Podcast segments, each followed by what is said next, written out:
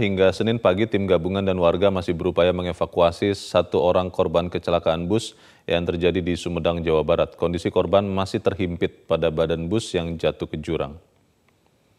Hingga saat ini total sudah terdapat 61 korban yang berhasil dievakuasi, 26 di antaranya tewas dan 35 lainnya mengalami luka-luka.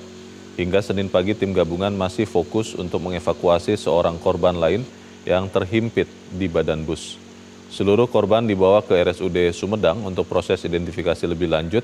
Pihak keluarga pun terus berdatangan untuk melihat perkembangan evakuasi korban baik yang luka maupun yang tewas.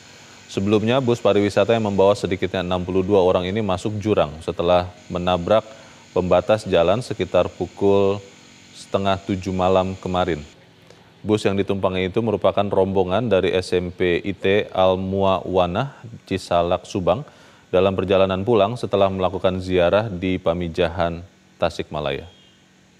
Kecelakaan maut bus masuk jurang terjadi di Tanjakan Cai, Sumedang, Jawa Barat. Bus berisi rombongan peserta ziarah dan wisata SMP Islam Sanawiyah Al Muawanah Subang, di mana puluhan korban meninggal dunia akibat kecelakaan ini.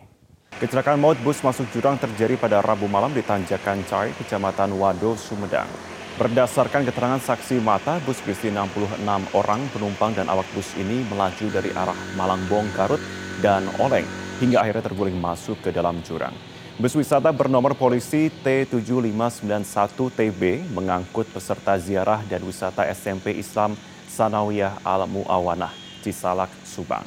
Akibat kecelakaan ini 19 orang dilaporkan tewas di tempat termasuk supir bus dan total korban meninggal dunia dilaporkan sebanyak 27 orang yang terdiri dari orang dewasa dan anak-anak. Sesaat setelah kejadian, pemirsa seluruh korban dievakuasi ke Puskesmas Wado dan kemudian langsung dirujuk ke RSUD Sumedang untuk penanganan lebih lanjut. Hingga Kamis pagi, proses evakuasi penumpang korban kecelakaan maut masih dilakukan oleh tim SAR gabungan. Tim SAR dapat mengevakuasi korban terakhir. Untuk informasi selengkapnya, kita bergabung bersama rekan kami, Husni Nursyaf, langsung dari lokasi di Sumedang, Jawa Barat. Husni, bagaimana jalannya proses evakuasi korban terakhir di sana? Ya, Wapin dapat saya sampaikan sekitar pukul 7 lewat 40 menit eh, tadi pagi, tim Basarnas Gabungan berhasil mengevakuasi satu korban terakhir berjenis kelamin berjenis kelamin laki-laki yang terjepit badan bus dan korban tersebut langsung dibawa ke RSUD Kabupaten Sumedang. Selain itu, tim SAR gabungan juga terus menelusuri uh, sungai dan bus uh, di disinyalir takutnya ada ada lagi korban yang belum teridentifikasi atau belum ditemukan. Makanya tim Basarnas terus melakukan pemantauan takutnya uh, disinyalir takutnya ada ada masih ada korban yang terjepit. Martin. Husni, apakah polisi dan tim masih melakukan olah TKP dan apa hasil yang didapatkan? Ingat pagi tadi, eh, setelah melakukan evakuasi satu korban terakhir, tim dari Polda Jabar langsung turun yang dipimpin langsung oleh Kapolda Jabar. Gimana uh, tim langsung melakukan olah TKP di tempat tersebut dan masih terus sampai saat ini masih terus melakukan pemantauan uh, sehingga jalan tersebut selain ini jalan itu ditutup bagi warga yang atau kendaraan yang akan melintas menuju ke Garut. Total sementara uh, semuanya dari data dari RSUD Sumedang bahwa ada sebanyak 66 korban, 27 di antaranya tewas dan 39 lagi dalam keadaan selamat dalam kondisi luka ringan dan luka berat dan saat ini masih dirawat intensif di rumah di RSUD Kabupaten Sumedang. Narvin. Baik, apakah ada hasil terkini terkait dengan hasil olah TKP yang berlangsung?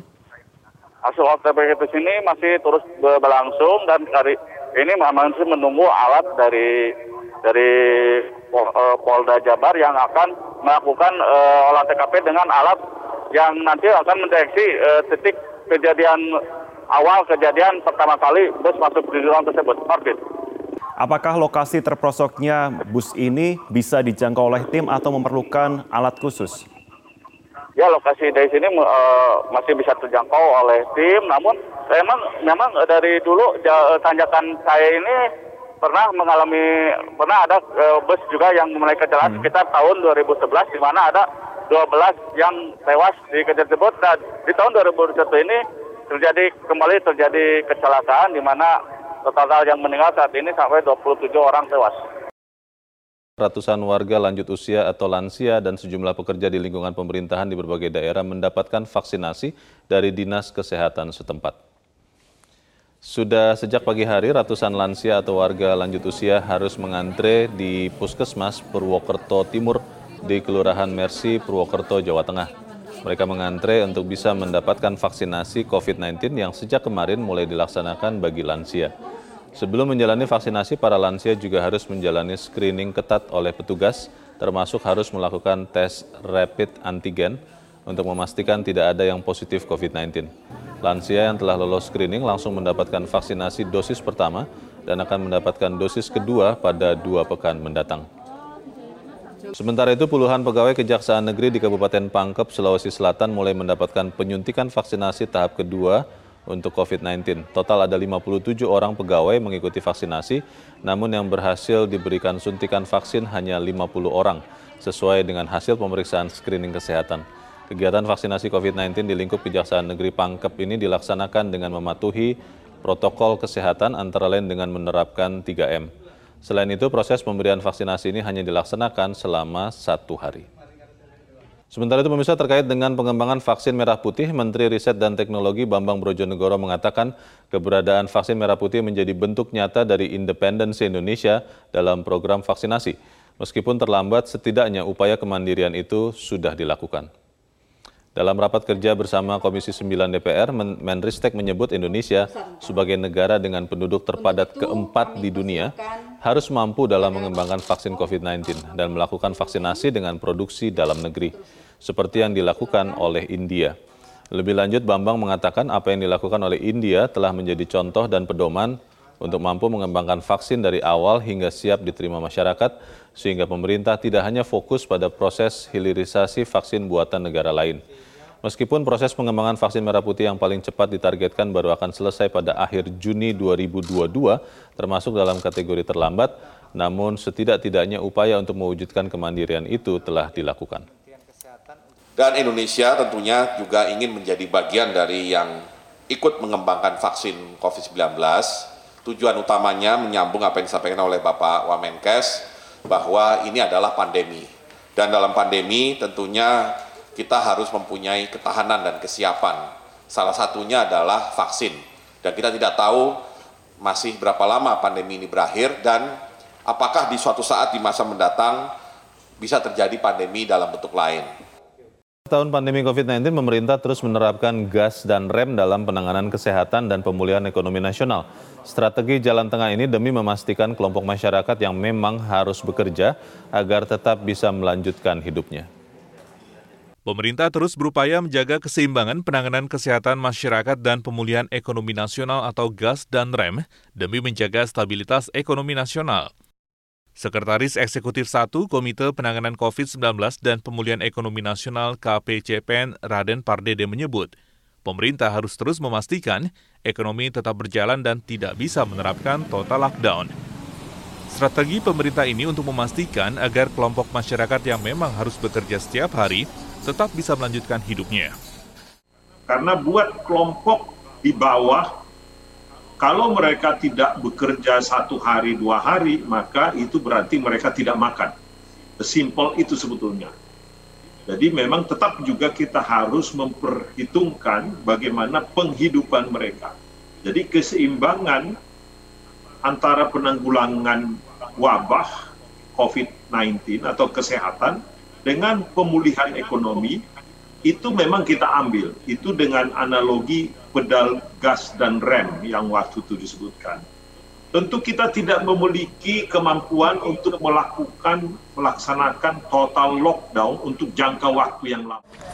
Sementara sebelumnya, Sekretaris Kementerian Perekonomian Susi Wijono Mugiarso menyebut, selama satu tahun menghadapi pandemi, berbagai kebijakan program telah digulirkan, tapi pada akhirnya, kunci utama adalah membangun rasa aman bagi masyarakat, pelaku ekonomi, sehingga mau beraktivitas.